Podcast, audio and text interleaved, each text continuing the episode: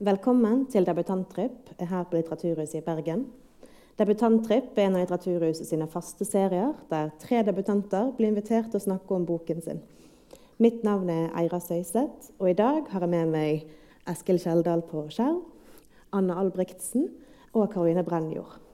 De har gitt ut de her tre bøkene.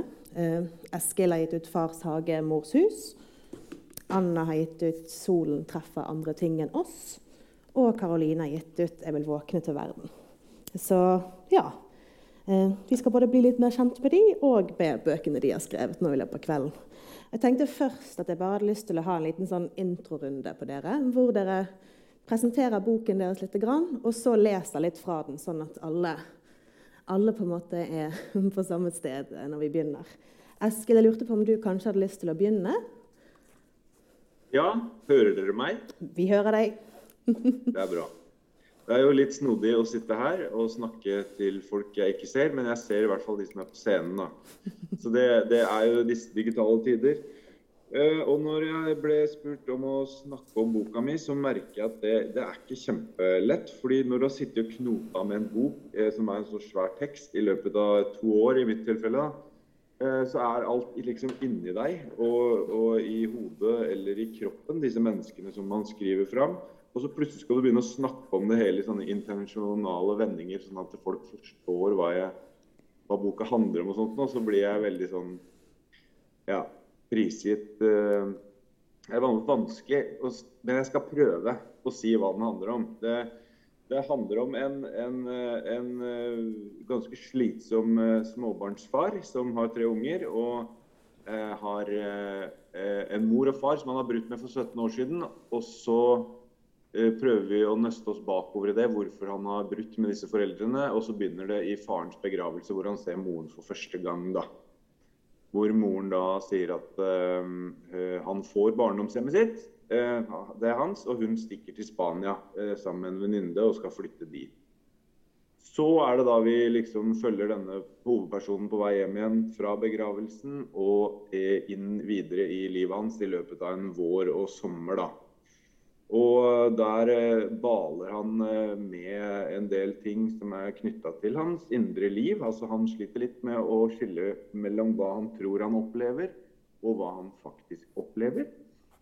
Eh, og han eh, er, vil, nei, Det er nok riktig å karakterisere han som en person som ikke har en veldig sterk kjerne eller et selv. Og når han først da eh, skal hevde seg, så blir det veldig voldsomt. da. Så han sliter litt med å opprettholde grensene mot menneskene rundt seg, og klarer ikke helt å finne en, en, en, en kjerne i personligheten sin. Så det er liksom ingenting mellom ren apati og ganske brutal vold. uh, også til tider.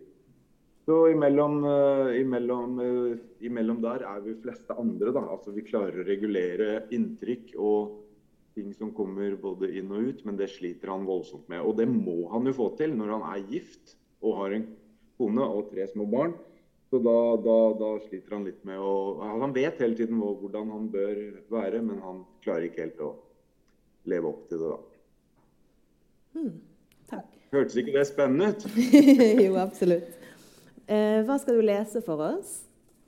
Nei, jeg tenkte jeg skulle lese um, Første natta etter han kom hjem fra begravelsen, så er jo kona hans selvfølgelig kjempeinteressert i hva, hva, som har skjedd. For han har aldri fortalt om foreldrene til kona og hvorfor han har brutt med dem.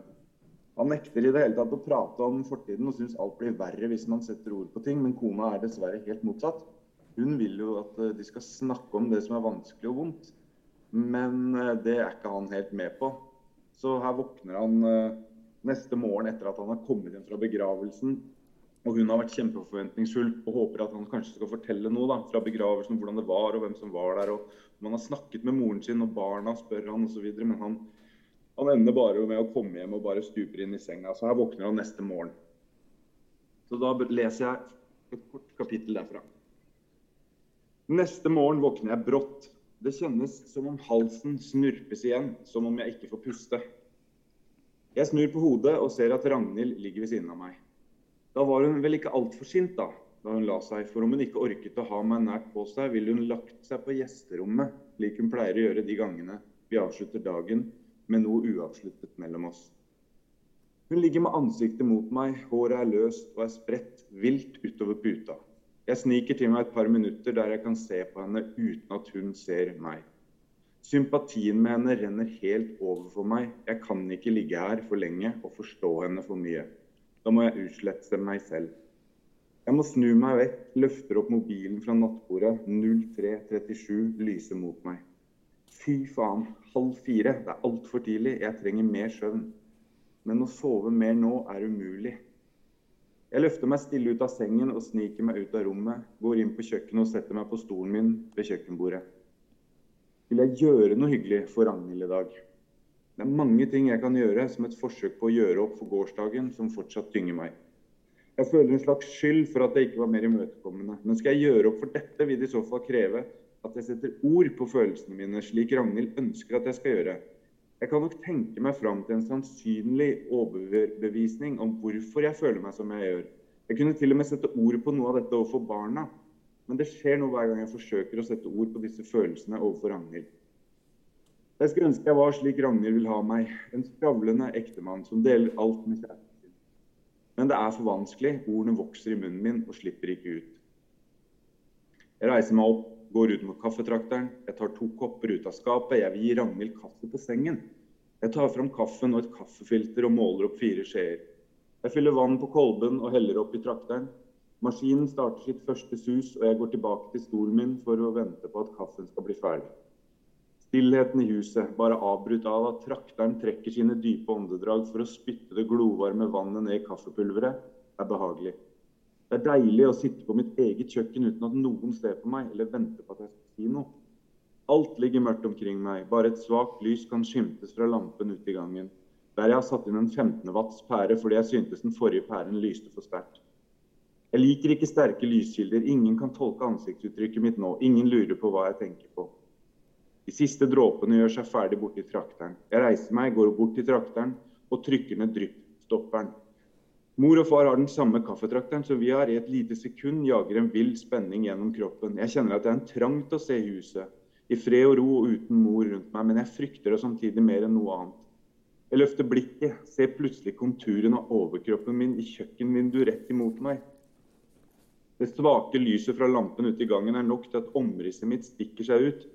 Bare en svart strek markerer ytterkanten av overkroppen min.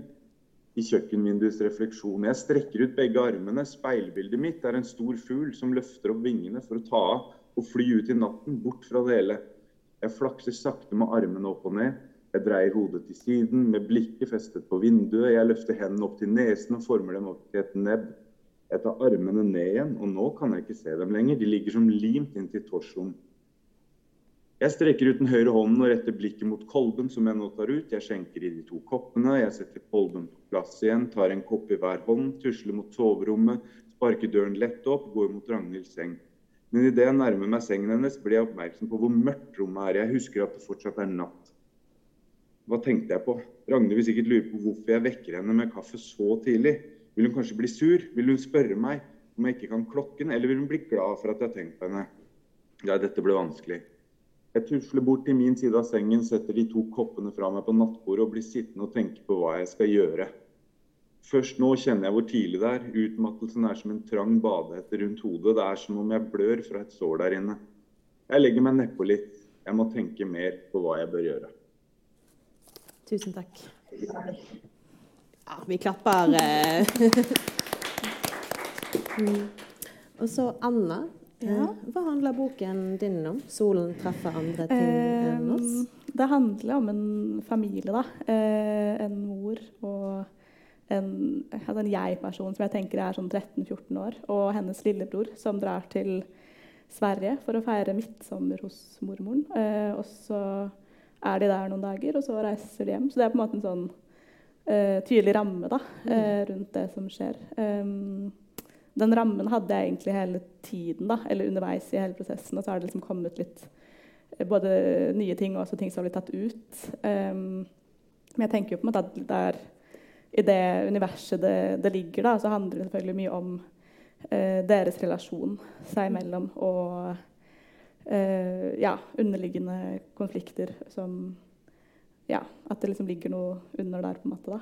Um, Ja, for først hørtes det kanskje litt sånn lystig ut, men det er kanskje ikke nødvendigvis helt lystig hele tiden, eller? Uh, nei, det er jo Nei. ikke, det, det er ikke, det er ikke en lystig roman. Uh, selv om omslaget kanskje får det til å se litt sånn ut. Men eh, uh, Nei, det er liksom Det er jo absolutt mye, mye vondt da, som, som man skjønner at, at ligger der. Og det er en veldig altså, En ganske uansvarlig mor. Da, eller det er et, en jeg-person som uh, har mye ansvar i familien og overfor broren generelt, nei, spesielt. Um, og um, ja. Uh, mm. Mm. Hva vil du lese for oss? Jeg skal lese litt om er noen sånne hester. ja.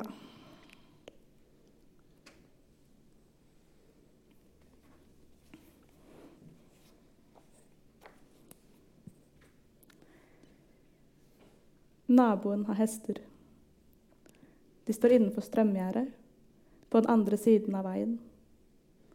Jeg vil ha strømmen deres i meg. Jeg vil at strømmen skal gå gjennom kroppen, via brystet, fra hånd til hånd. Huden blir varm, jeg faller om, blir liggende i gresset. Og hestene bærer meg tilbake til huset, slik hester er skapt for å frakte ting. Jens ligger i gresset og sover. Han kan sovne hvor som helst. Han er ikke som andre barn. Han trenger mer søvn for å leve. Jeg sitter ved siden av og passer på. Han ligger så stille. Jeg ser for meg at jeg nærmer meg ham fra to ulike steder i hagen samtidig. Jeg er splitta i to. Går mot hodet, går mot beina. Omringer ham der han ligger. Mamma gjør klar strandbagen. Tar ned badetøyet fra tørkestolen i hagen. Den er spent mellom en krok på husveggen og et tre. Det er bare om sommeren at klærne tørker ute, at tekstilene får varmen i seg. Hun går barbeint over gresset, bretter håndklær og legger dem i hagen, i, bagen. Klesklypene glir ned mot midten av snoren. Den blir slakkere uten tøyet, faller lenger ned mot bakken. Hun går inn og kommer ut igjen med vått tøy. Henger opp en bukse, noen truser, en av T-skjortene til Jens som han har sølt på. Jeg drar opp gresstrå som jeg strør over ham. Av gress er du kommet, til gress skal du bli, sier jeg. Stråene er lange. Jeg drar dem opp og deler hvert strå i to. Det ville tatt lang tid om jeg skulle kamuflert dem. Kommer dere? roper mamma. Jens åpner øynene. Gresset faller av når han reiser seg. Noen gresstrå blir likevel hengende igjen i klærne hans. Men han legger ikke merke til det. Løper mot bilen. Føttene hans peker innover. Jeg går sakte etter ham. Mamma smeller bagasjeluken igjen og setter seg bak rattet. Starter motoren før jeg er framme ved bilen. Mormor har satt seg i forsetet. Hun har ikke tatt på seg belte, vet ingenting om hvordan mamma kjører. Jeg åpner døren til baksetet og setter meg inn. Idet jeg smeller igjen døren, rygger mamma ut på grusveien. Hun ser nøye i speilene når hun svinger, kjører i samme fart hele veien til badeplassen. Tusen takk. Ja. Vi må gjøre noe for at det skal føles som at liksom, det er helt normalt. Eh, eh, Karoline Brenjord, eh, du har jo skrevet diktboken 'Jeg vil våkne til verden'. Hva handler den om, hvis man skal snakke om det i diktbøker? Mhm. Ja, nei, jeg syns også, som Eskil, at det er veldig vanskelig å bli spurt om. Mm. Eh, nå er det et halvt år siden jeg ble ferdig med boka, men den har tatt så stor plass så lenge at jeg fortsatt føler at den er liksom rett foran ansiktet. Men eh, det er en, en mor som har tatt livet sitt. Eh, det er det også blitt lagt veldig mye vekt på i eh, i anmeldelsene. Eh, men det er jo ikke til å komme bort ifra. Eh, samtidig så Jeg vet ikke hvor mye det handler om spesifikt det. Jeg tenker kanskje enda større tema er bare generelt sorg. Um, men så gir det jo mer intensitet, og det er på en måte et regnes for å være et større traume. Um, Um, så tenker jeg at kanskje boka handler om, eller diktene At det er et jeg som prøver å Ikke bare sørge, men liksom kanskje forstå verden på nytt. Eller at det trenger en at, Ja, verden blir forvirrende, da. Eh, så det må både prøve å forstå seg selv og moren og prøve å lage litt sånn ulike fortellinger som eh, Ja, bruker fantasi. Eh, så Ja, den er veldig fantasifull, og så er det ganske mye natur. Og, så det er i hvert fall litt av motivene, da. Eh, ja. Hmm. Mm. Hva skal du lese fra nå? Eh, nei, jeg skal egentlig bare lese et dikt her og et dikt der. Ja. Jeg leser det første først. Lykt. Arbeid får alt til å lyse. Sorg får alt til å lyse.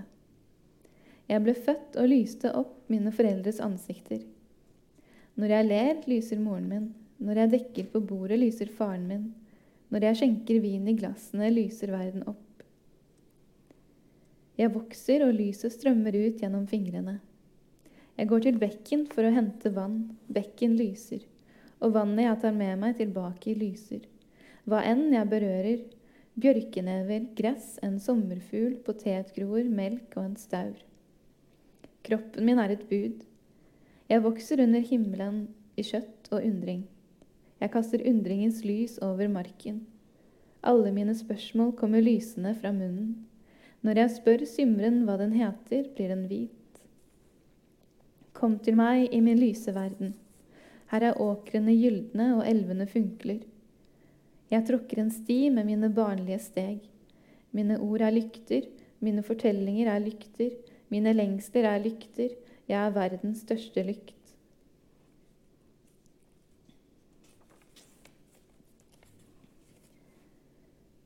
Mor.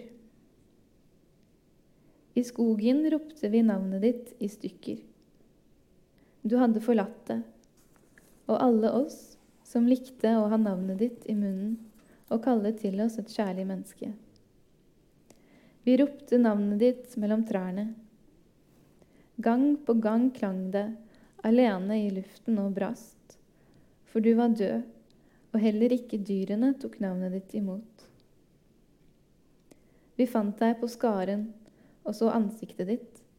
Vi fortsatte å rope til det begynte å snø, og navnet ditt var aske i munnen.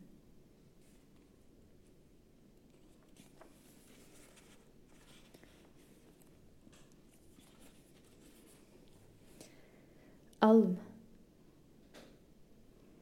Den som sitter tålmodig, kan se skogen forandre seg. Se bladene på en alm folde seg ut og siden krumme seg innover. Den tålmodige kan se treet gi slipp. Et bladfeste gjøres sprøtt og svakt slik at bare et tynt vindkast får bladet til å løsne. Adskillelsen er aldri seremoniell, aldri tragisk. Den er dagligdags. Spør almen om salt.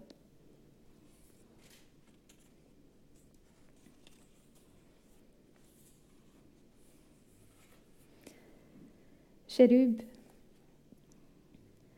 Bleke, lubne, hårfagre og storøyde engler.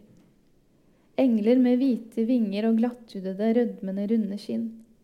Engler med lange øyenvipper og noen ganger med blondekrager til forveksling lik en kniplingsduk. Mamma ville heller ha en hund enn en engel. Mamma ville heller ha en katt enn en engel. Hun skulle hatt en engel og ikke et barn.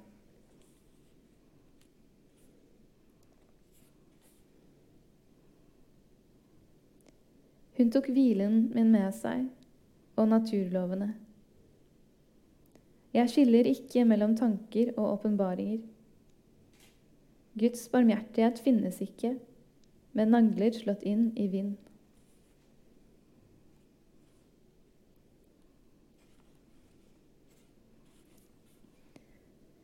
Brisen er lang og melankolsk. Brisen er like melankolsk som plenen der et barn sitter og leker med sine melankolske hester. En hvit, melankolsk hest og en brunspettet, melankolsk hest. Hva heter leken? Melankolsk lek. Hva heter hestene? Melankolsk hest 1 og melankolsk hest 2.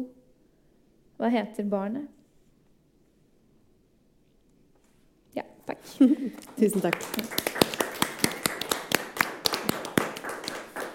Mm. Ja, jeg tenkte vi kunne gå litt tilbake til deg, Eskil. Ja. Ja. Eh, og så tenkte jeg egentlig bare kunne begynne med et spørsmål. Bare sånn her, Hvordan startet du arbeidet med Farshage Mors hus? Mm. Uh, jeg følte på en intens tomhet etter at jeg hadde sluttført min forrige bok. Altså, jeg har jo skrevet sakprosabøker før. Jeg hadde skrevet en bok som ble gitt ut i 2017 om, om uh, min egen vei inn og ut av trosuniverset, den kristne religionen. Eh, og etter det så var det så veldig sånn hva, hva, hva, gjør jeg nå? Eh, det var ikke noe mer å skrive på. Altså Det å bli ferdig med en bok er en enorm eh, sånn berg-og-dal-bane og mye trist. Så da tenkte jeg ja, ja, jeg får sjekke ut da om jeg har noe på lager som ikke er én-til-én-forhold til virkeligheten. Altså om jeg kan lage noe fiksjon. Og så hadde jeg veldig klart for meg hvordan jeg ville begynne en sånn, men jeg hadde utrolig respekt for altfor mye respekt, egentlig. For jeg, jeg, burde nok ha skrevet før, men, eh, men jeg har hatt så, så, utrolig stor respekt. Trodde ikke jeg hadde en roman innabords. Det var liksom ikke mitt bord. Eh, men eh, så også bare kom datt de sidene ut, de første der. Så etter det så føler jeg det mer eller mindre som da, da, ble det mer og mer håndverk og mindre og mindre mirakel. De første 50 sidene var en veldig sånn følelse av et mirakel. Men så bare Da satt det, da satte liksom sakprosaforfatter-gen inn i meg, og da ble det, da ble det liksom hardt arbeid. Så, så, sånn var det det starta, da. Det begynte som et mirakel, men det slutta som håndverk. Mm. ja. Hva er det liksom med, med han karakteren Mikael som har interessert deg? Hmm. Nei uh, eller har han interessert deg? ja, altså han bør jo altså, Ja, altså Ja. Eh, det er jo litt rart å bruke tid Ja, altså Nei, det er, det er den jeg skal, når du stiller, du stiller presise spørsmål, og så skal jeg svare godt på det. Uh, uh, jeg, jeg, vet ikke helt uh, Det er klart jeg, jeg så for meg en vanskelig type som satt i et eller annet sånt vanskelig i en vanskelig binding da, relasjonelt, var far og hadde unger. Og sånt noe, og hvordan ville en sånn person som hadde et sånt ganske sorgfullt og tomt indre landskap, eh, klart å håndtere liksom, hverdagslige utfordringer. Så det var, det var, noe med han som interesserte meg, fordi han kunne liksom ikke bare legge seg i en seng. Han hadde forpliktelser og sånt noe. Og så hadde han en fortid som jeg liksom var litt misunnelig på. Da, mm, da, man, da man har brutt med foreldrene, det, det ville vært litt spennende.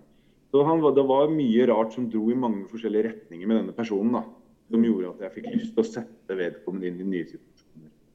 Og der må, man, må jeg også nevne altså vi, vi, vi er jo skjønnlitterære debutanter alle tre. Og vi hadde nok ikke klart oss Eller jeg skal snakke for meg sjøl. Men eh, redaktørene våre, da. altså eh, når vi sitter der og knoter, og så, da er det jo på en måte veldig verdifullt eh, å ha en redaktør som kan hmm, skjønne liksom skjønner kjernen i dette, men kan utfordre det på de premissene og dra denne hovedpersonen, i mitt tilfelle, og utfordre meg til å sette han inn i nye settinger. da.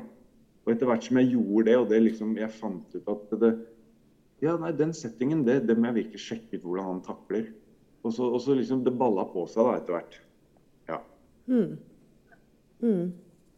Jeg tenkte mye på Altså, Mikael er jo en karakter som eh, eh, Eller man får jo høre det fra, fra hans eh, side, eller fra hans perspektiv. Og da mm. snakker han jo mye om det der at han ikke, altså, ikke tror på å snakke om ting. Eh, eh, men jeg tenkte jo på at det er jo en dobbelthet i det, for at Mikael kommuniserer jo med leseren. han forteller jo alt til leseren, samtidig som han forfekter på en måte kommunikasjon som noe man skal holde på med. Hvordan var det på en måte å skrive frem den dobbeltheten der? Ja, er ikke det fiffig? Nei da.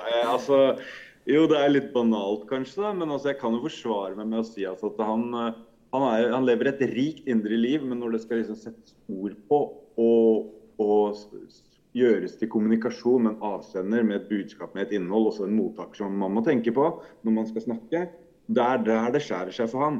Så jeg syns kanskje ikke det er så usannsynlig, men jeg, jeg, jeg skjønner hva du mener. og jeg, Det var en stund hvor jeg tenkte at det er ganske teit at jeg skriver fram en så klønete person i forhold til kona si, men så er han så verbalt liksom rik eh, internt. Men så liksom etter hvert tenkte jeg etterpå på det, så tenkte jeg at det går jo an, det. da. Altså, Er det så usannsynlig, da? Altså At folk eh, er introverte og lever, lever, er mange personligheter innover. men når de først liksom, og så er det helt sånn steinaldermennesker utad nesten, og svarer ja og nei. Men det kan jo være sånne mennesker som finnes òg, så da, da, ble det sånn, da. Mm. Mm, absolutt.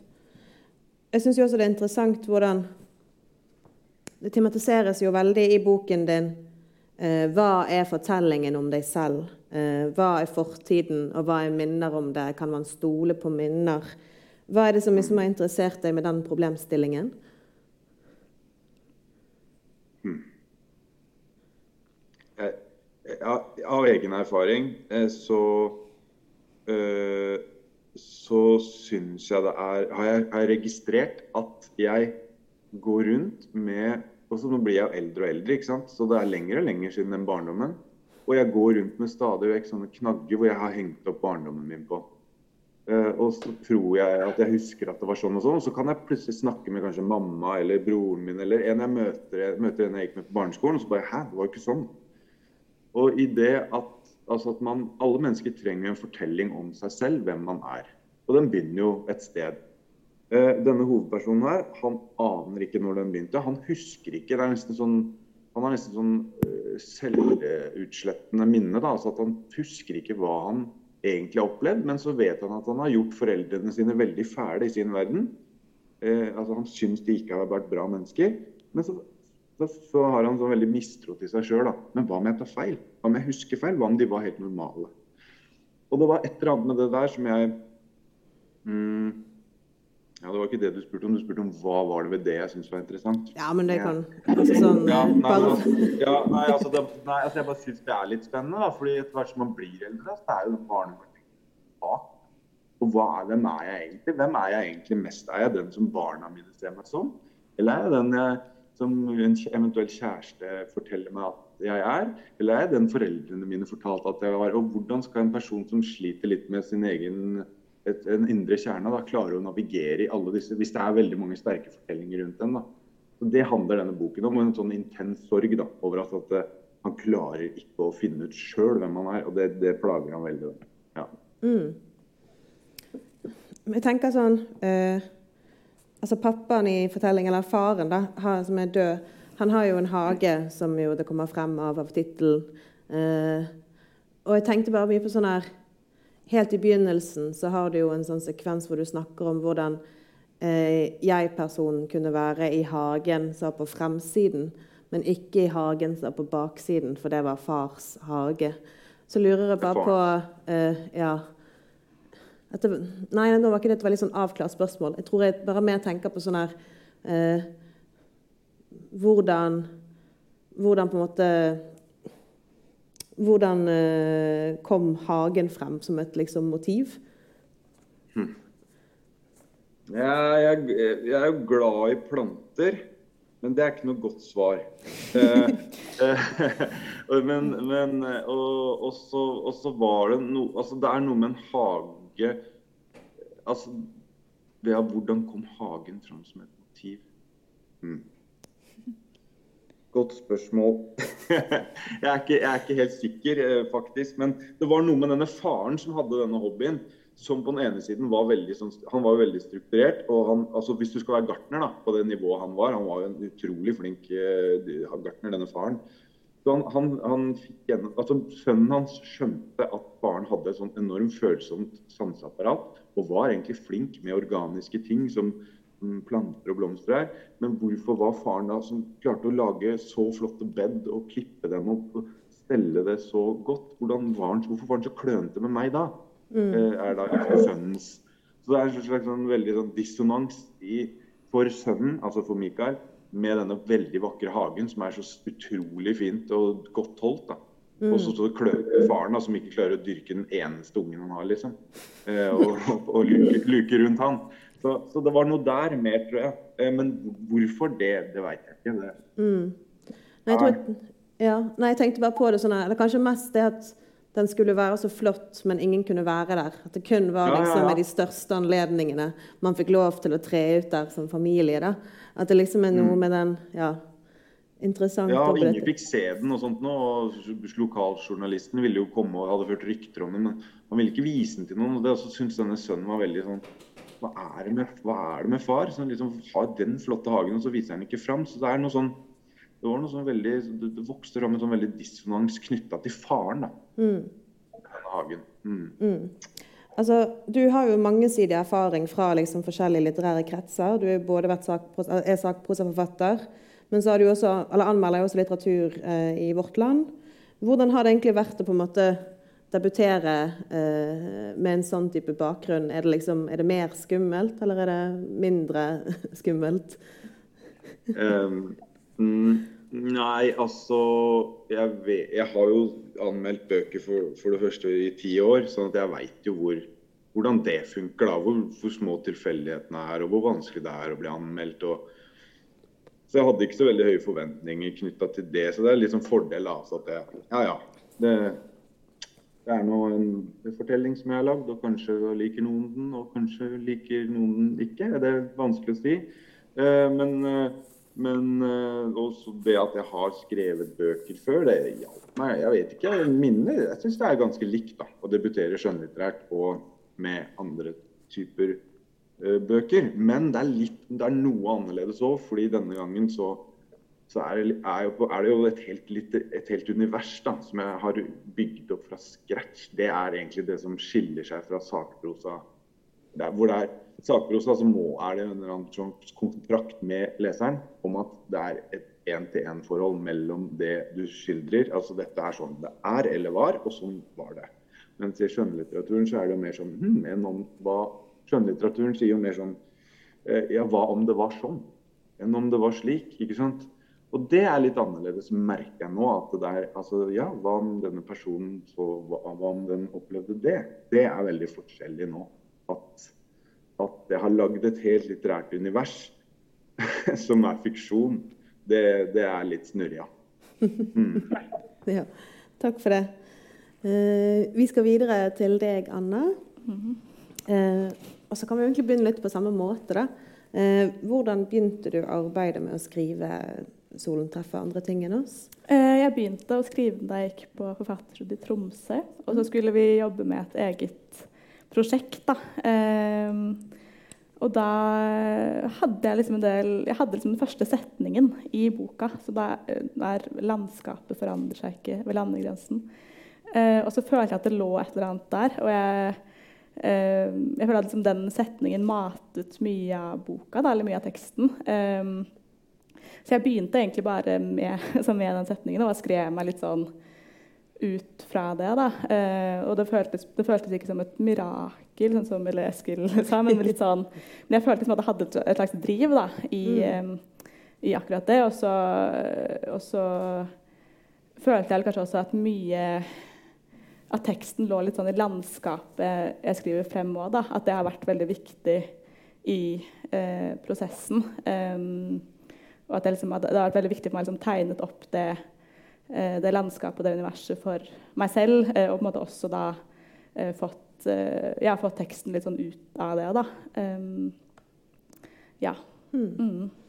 Hvordan, eller, hvordan kom hovedpersonen din frem fra landskapet? holdt jeg på å si? det var egentlig først en tredjepersonfortelling, og så ble det førsteperson eh, fordi Mona Haubring mente at det måtte være det. Eh, um, ja, I Tromsø, da, eller på sånn. Ja. Eh, og så Nei, det, har, jeg vet ikke, det føltes etter hvert naturlig å ha en jeg-person. da. Også, men det er jo en altså Med tanke på karakteren i boka, så tenk, tenker jeg jo selv at jeg-personen er kanskje den som er minst etablert. Da, eller den man i minst grad ser for seg på en måte tydelig. Mens de andre karakterene, kanskje særlig moren og mormoren, er, er mye tydeligere som karakterer. Da, som kanskje også er typisk for en sånn jeg-person. At det er ikke alltid man liksom egentlig vet hvordan disse menneskene ser ut. på en måte. Um, så nei, det var vel egentlig litt det at uh, Ja, det var mye jeg hadde da egentlig fra start. At det var en jeg-person som var ganske ung, altså sånn rundt 13. Og, og den, det, bare, det, føltes på en måte bare veldig naturlig, da. Um, mm. Ja, hvorfor, men hvorfor ville du at hun skulle være ung, da? Eller var det bare naturlig? Det var, ja. ja. at Nei, det var vel noe med det litt sånn barnlige blikket, da. Um, og jeg, jeg, studerte litteraturvitenskap på den tiden. Uh, og da husker jeg at vi liksom hadde om den der Viktor Sklovskij, og at det liksom ble uh, Det var et eller annet med liksom hans tanker da, som, uh, som, jeg likte veldig godt. Og det var, det kanskje et eller annet der da, som at når man liksom skriver fra Eh, fra et barns perspektiv eller fra en veldig ung persons perspektiv, så kan man liksom eh, tillate seg en del ting som man ikke kan når man skriver fra et voksen sitt perspektiv. Og at eh, det ble en sånn uskyld der og et potensial da, i det blikket som jeg på en måte ikke fikk ved å skrive fra et voksent perspektiv. Um, men også fordi altså, jeg tenker at det er en bok som på en måte er bare et veldig sånn kort innblikk da, i disse menneskenes liv. Og det er jo ikke noen tilbakeblikk. Eh, og det er liksom bare en altså de få dagene de er der, da, som man på en måte får innblikk i som leser. Og da var det på en måte også uh, ja, naturlig at det var en sånn uh, um, ja, uh, mor og to barn, på en måte, eller en tenåringsdatter og et mm. barn. Mm. Jeg tenker altså Allerede fra starten av boken så er det jo tydelig at det også på en måte er en fare som er i bakgrunnen. Altså, innledningsscenen er jo Eh, når de kjører til, eh, til, Sverige, men på en måte hvor mammaen kjører fort, og mm. datteren må følge med, eller sånn Hva Det er jo interessant, fordi at altså jeg, eh, jeg har jo en slags selvfølgelighet rundt alt ansvaret hun må ta for på en måte familien sin. Eh, hvordan var det liksom, eller Hvorfor har du interessert deg for en sånn type eh, problemstilling? Mm. Det er en sånn uh, skjevhet i det, da. Eller at, uh, at, det er jo på en måte kun det ytre blikket som forstår at dette er feil, mens i boka Eller de, eller jeg skjønner jo ikke selv at dette uh, ikke er sånn det skal være. Um, og jeg syns på en måte det er en litt sånn jeg, jeg, tror bare jeg liker den skjevheten litt. Da, at noe, liksom, man skjønner at det er noe ved Eh, den familien som er litt sånn utafor. Litt sånn at de, at de er utafor, og det er litt sånn skrekk der, på en måte. Um, det er en veldig fin film som heter 'Fish Tank', som kanskje noen har sett. Um, der, I en av de siste scenene der så, sier, uh, så skal hovedpersonen dra, og så sier eh, lillesøsteren 'I hate you'. Og så, men så føler man på en måte at hun sier 'I love you'. Og det er på en måte et eller annet der som jeg selv syns er veldig fint. Da, at, eh, at, selv om måte, at det er en slags sånn kulde der, så, så kan man like, altså, likevel opp, at det er en sånn, ja, en sånn skjevhet da, i det forholdet, men som likevel kan føles så naturlig på en eller annen måte. Mm. Um, og det var kanskje et eller annet der som, ja, som liksom har tiltrukket meg litt. da. Um, ja. Mm. Mm. Ja. ja, men da kan vi ja. Eh, Marta Norheim i NRK skrev jo om boken din at i denne romanen sliter sjøl flugene med å holde humøret oppe. Eh, men det, det, er jo veldig mange dyr og insekter som befolker, og natur, som på en måte siver inn i dette litt sånn, litt sånn kammerspillet. da. Eh, fluer, snegler, hester, hunder. Mm. Hvilken funksjon tenker du at de eh, eh, dyrene har i fortellingen? Um jeg tenker kanskje at det er en bok som har litt sånn to spor. Da. At det både er dette med eh, familierelasjoner, eller de fire, da, eh, på en måte, og um, hvordan de lever sammen, men også det her med liksom, landskapet og dyrene. Um, og at uh, de på en måte uh, Ja. Uh, vokser litt sånn sammen. Og at det er to liksom, fokuspunkt, da, hvis det er mening. Um, så, og jeg synes jo altså, både i prosessen, men også um, ja, i teksten da, så føler jeg at det med dyrene og landskapet og hele universet er veldig viktig. Og det, jeg tror det handler litt om at jeg selv er veldig glad i å lese om dyr, eller og, om Um, og at det liksom også kan ha en sånn uh, kanskje også kan leses som metaforer, da, selv om det kanskje ikke er ment som det, men at det også er sånn, noe som kan veksle litt fra det som er tungt i boka, da, og at det blir et slags motpunkt. Um, og at um, det er et jeg som har um, som har et blikk på en måte som fokuserer veldig på, på liksom, de små detaljene og dyrene. Og det er en slags, det er en slags lengsel da, i det blikket mot disse dyrene, egentlig, og mot Ja, altså mot, eh, mot noe annet da, som en ikke kjenner så godt, på en måte, eller som, ikke, som ikke er en del av den familien. Mm. Mm. Altså, jo, boken din har jo veldig sånn eh, filmatisk nesten kvalitet ved seg, okay. eh, syns jeg. Ja. Uh, hvordan Ja, tenkte du på det når du skrev den, eller var det liksom Nei, men jeg, eller jeg skjønner jo på en måte litt at du sier det, da. for det er jo en, liksom Det er en bok som har som skildrer mye. Um, og det har vært viktig for meg å på en måte um, tydeliggjøre det, det landskapet, da, og liksom uh, huset de bor i, og uh, tegne sånne ting opp. Um, uh, og det gjør jo kanskje, eller det at det liksom er mye beskrivelser, gjør jo kanskje at det kan ha en litt sånn um, Ja, det kan kanskje ha noe filmatisk ved seg, da. Um, ja. mm. Jeg-personen har jo uh, Hun har jo på en måte ikke så mange refleksjoner rundt, rundt på en måte de hun er i familie med, eller sånn rundt hvordan ting er. Mm. Uh, hvordan var det å Eller jeg vil jo anta at du reflekterer en del. Hvordan var det å skrive frem noen som på en måte Eller å frata det, liksom?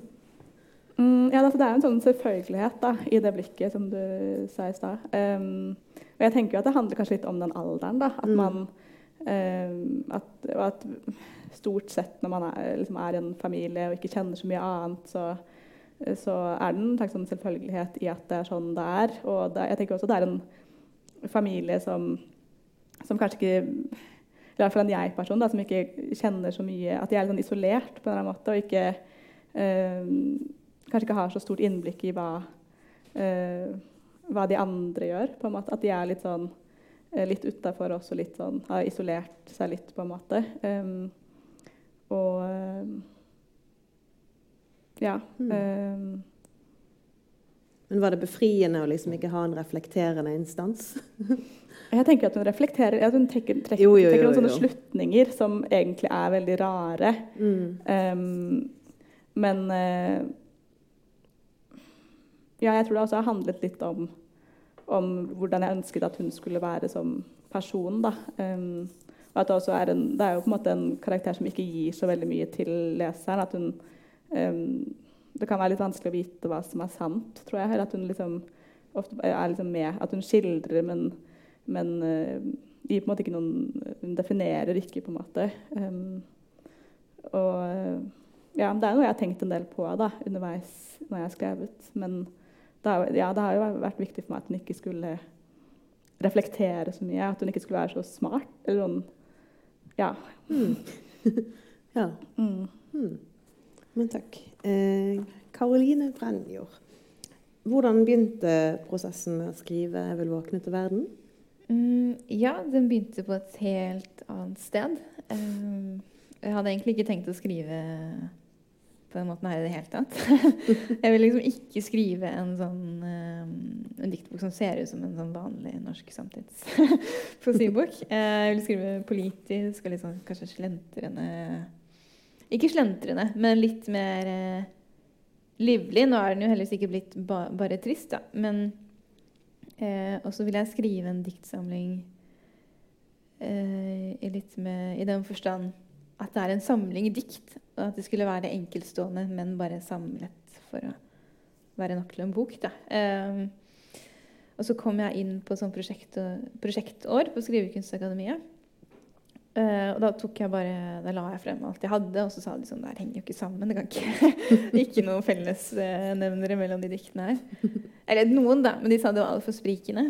Uh, og så um, tok jeg bare tak i Ja, alle var jo i den klassen var jo enige om at diktene om mor var de beste.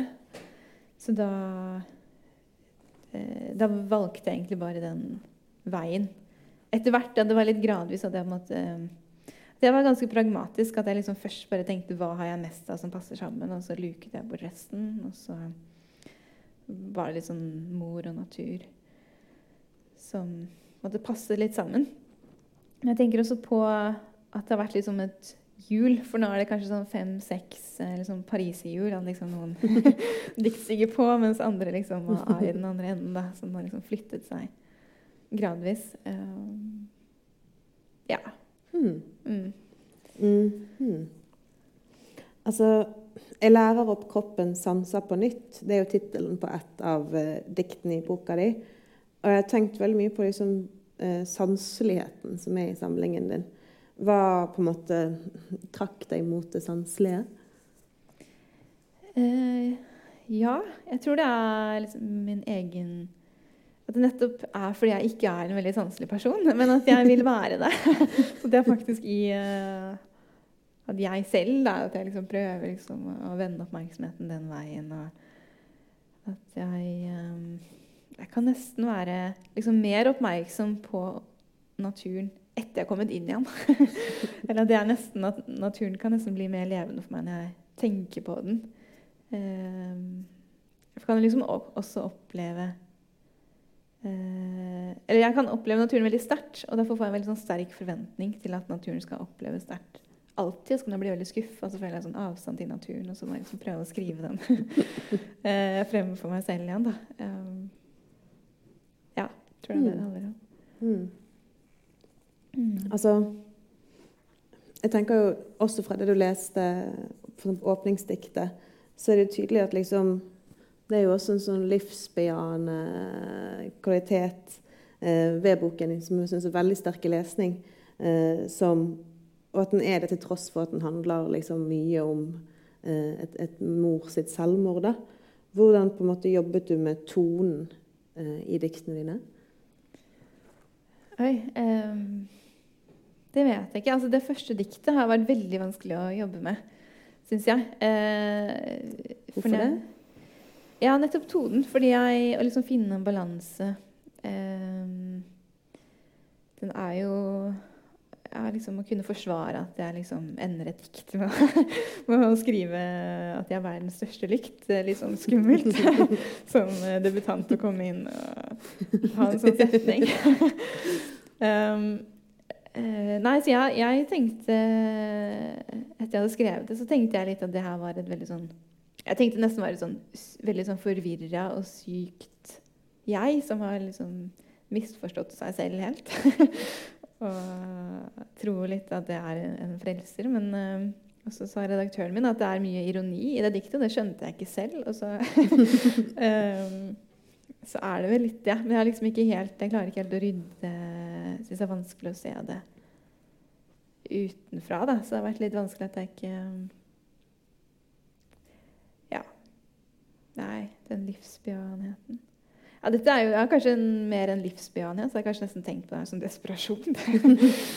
um, ja, men og, og, en vilje, da. Mm. Ja, en blanding. Mm. En, uh, um, altså, ja Jeg blir jo alltid fascinert av uh, dyr som dukker opp i alt. Og i, det er jo flere dyr i 'Jeg vil våkne til verden', men det er jo sånn rev som dukker opp flere ganger. Så bare lurer jeg på hva, hva, er, det med, hva er det med reven?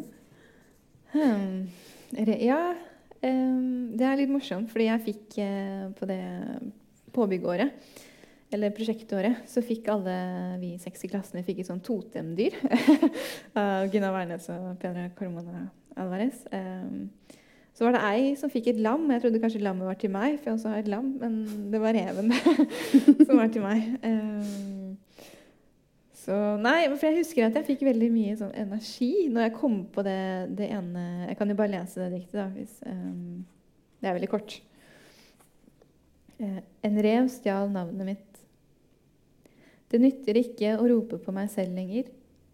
Det er bare reven som kommer. Og så har jeg noen varianter av en annen rev seinere. Men det diktet jeg skrev for ganske lenge siden, og det, jeg syns var så morsomt selv da jeg kom på det. Eller, jeg husker veldig godt det, at jeg fikk den, eh, en sånn energi av det. Um, ja, og så er det Jeg har også hatt en sånn lek med en venn hvor vi liksom har prøvd å finne ut hvilke dyr folk er. Og så sa han ganske sånn med en gang du er en rev. så jeg vet ikke om det Altså, jeg var listig da, ikke sleip. Bare, bare litt lur.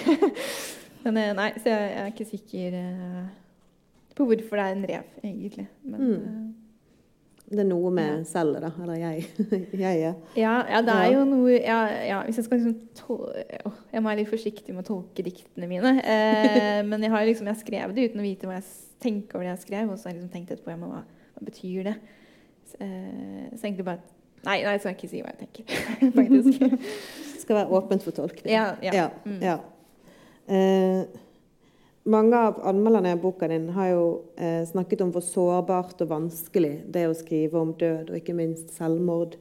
Eh, hvordan har det vært for deg å skrive om måte, de temaene? Eller er du enig i at det er sårbart og vanskelig?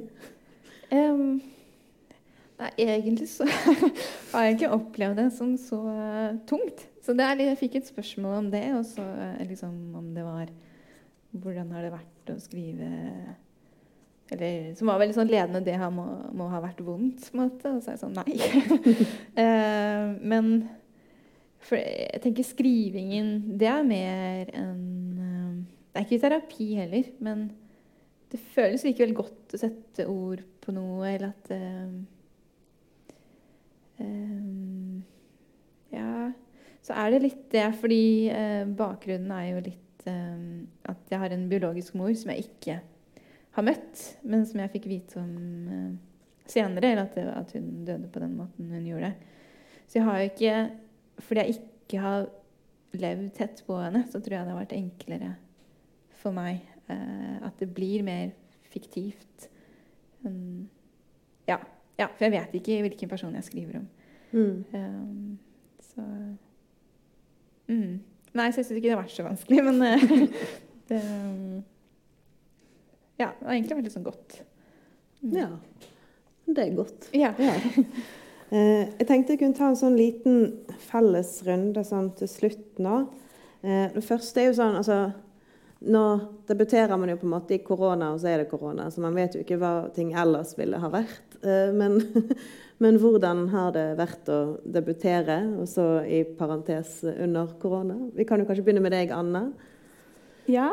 Eh, det har jo vært litt eh, spesielt. Og, liksom, vi har på en måte gått glipp av mye av det sosiale. Da. Det der å møte folk på forlag og møte andre debutanter og bli, bli kjent med liksom, andre forfattere, på en måte. Um, og det har kanskje vært litt, ja, kanskje litt mer ensomt. da, og Jeg, kjenner, jeg har liksom snakket med flere andre debutanter som har liksom opplevd det som litt sånn litt ensomt, på en måte. Um, fordi det har vært så antagelig ganske annerledes enn det vanligvis er. da, Når man får liksom um, møte folk på forlagsfest og liksom har debutantdagen på Litteraturhus som er fysisk og ikke digitalt. og altså, Alle sånne ting. Um, men det har jo også vært, vært veldig fint. da, eller har liksom vært litt sånn føler jeg har kanskje fått litt sånn mer ro, på en måte. Um, enn jeg kanskje ville hatt. Eller det er vanskelig å si, på en måte. Men uh, nei, det har jo vært, stort sett vært uh, fint da, å gi ut bok.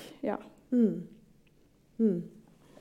Eskil, du snakket jo litt om det i sted også, men uh, du er jo den nyeste debutanten. da. At din bok kom jo nettopp, mens de andre har fått liksom et par måneder på baken. Ja. ja. ja.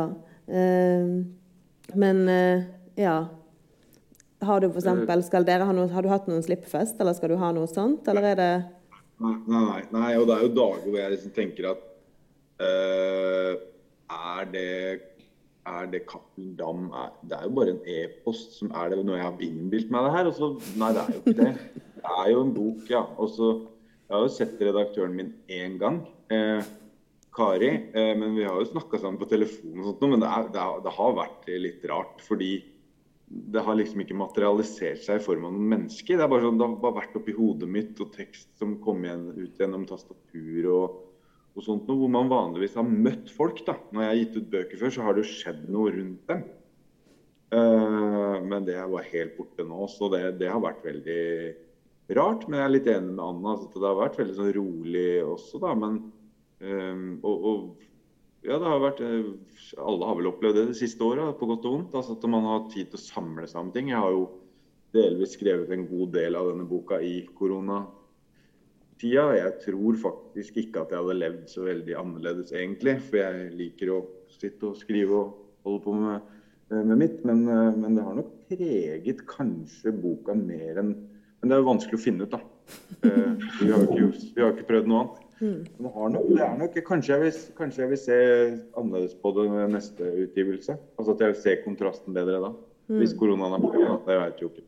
Ja. Eller så kan vi snakke med Eskil i et parallelt univers. Ja. Ikke sant? Ja. Ikke sant? Bare det her bare det holder på med nå. Jeg sitter og snakker med en maskin. Her sitter noen mennesker, ja. ja den. Så kan jeg om, om to timer kan hende jeg tenker at skjedde det der? Men det er kanskje opptak av det her, så jeg kan se det i morgen. Ja. Hva med deg, Karoline? Eh, du har jo også fått litt overveldende kanskje, eller mye, Du har fått veldig mye oppmerksomhet for boken din. Hvordan eh, har det vært for deg å debutere? Uh, ja, det har vært um, Jeg kan jo ikke si at det har vært et antiklimaks. Selv om uh, altså, sosialt har det jo vært det. Og nå har det vært Jeg skulle egentlig på tre festivaler i februar og mars som jeg ble veldig glad for å bli invitert til. Altså er det Ikke alt er avlyst, men det blir digitalt, og da Ja, det er jo selvsagt ikke det samme. Men det har jo vært veldig gøy. Men kanskje har det vært nesten litt bra at noe har vært avlyst, for det har vært ganske mye. Og um, litt overveldende. Um, ja, for det er jo ikke Jeg skulle bare skrive en bok. Jeg skulle liksom ikke drive og bli intervjuet og fotografere. Så, uh, så det, det, er litt utfordrende, syns jeg. Og så at det er så mye på um, Ja, det føles sånn tryggere ut å være i et lokal og liksom ha kontakt med publikum, og ikke at man sender inn en video liksom fra soverommet. det kan bli liksom for intimt. og er litt sånn ubehagelig, det må jeg si. Um, ja. Nei, så det, det, har jo vært veldig gøy å få Ja, jeg har jo fått veldig mye bra som har skjedd med boka. Mm. Så jeg klager ikke. Nei. Nei. Uh, ja. Med det så uh, avslutter vi uh, debutanttripp for denne gang. Tusen takk til Eskil, Anna og Karoline for at eh, dere ville være her, og for at arrangementet ble noe av, og for at flere av dere kom hit, og at det også var noen i publikum, og kanskje noen på en stream.